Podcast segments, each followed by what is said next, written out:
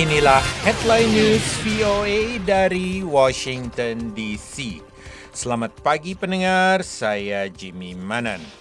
Uni Eropa Jumat mendesak negara anggotanya agar memberlakukan prosedur screening kesehatan di perbatasan guna memperlambat penyebaran virus corona. Tetapi hal itu harus dikoordinasikan sehingga orang tetap mendapat perawatan kesehatan secara cepat. Sementara Italia melaporkan kasus dan kematian akibat virus itu yang terbanyak, pandemik ini semakin mengikis ketahanan dari prinsip inti Uni Eropa, sebuah Eropa yang bersatu tanpa perbatasan di mana penduduknya bisa hidup, bekerja, serta melakukan perjalanan secara bebas. Negara-negara berbatasan dengan Italia, Austria, Slovenia, dan Swiss telah memperlakukan kembali kendali perbatasan dan membatasi kendaraan dari luar negeri. Tetapi beberapa negara Uni Eropa termasuk Polandia, Slovakia, dan Siprus mengumumkan pembatasan yang tidak sekedar berlaku untuk pelaku perjalanan dari Italia saja. Perdana Menteri Polandia mengatakan mulai Sabtu tengah malam perbatasan negara itu akan ditutup dan semua orang asing tidak boleh masuk kecuali kalau mereka tinggal di Polandia atau punya hubungan pribadi dengan Polandia.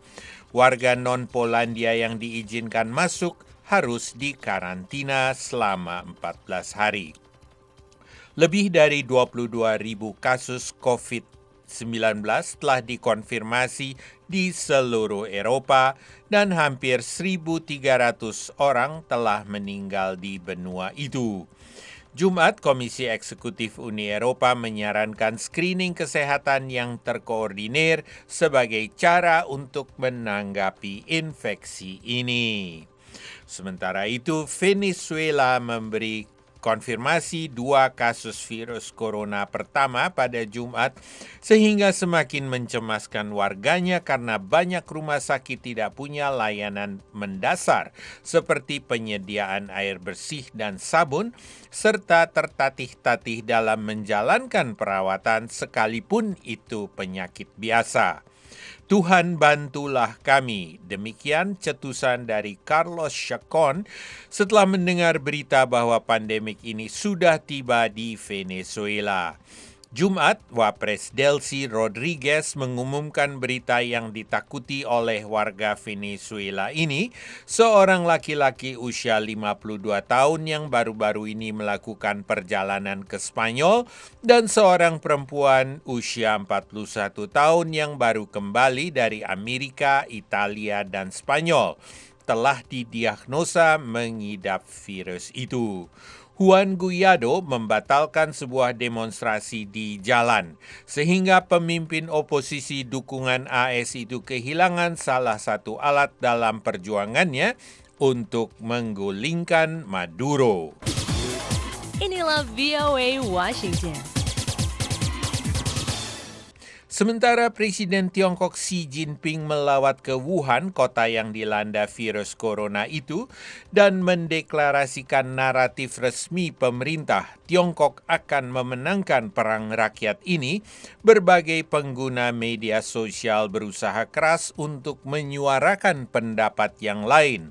Usaha untuk menghindari sensor Tiongkok dan menerbitkan pernyataan dari Dr. Ai Fen dari Wuhan yang pertama-tama memperingatkan tentang ancaman virus itu merupakan ungkapan pembangkangan paling rinci terhadap naratif pemerintah.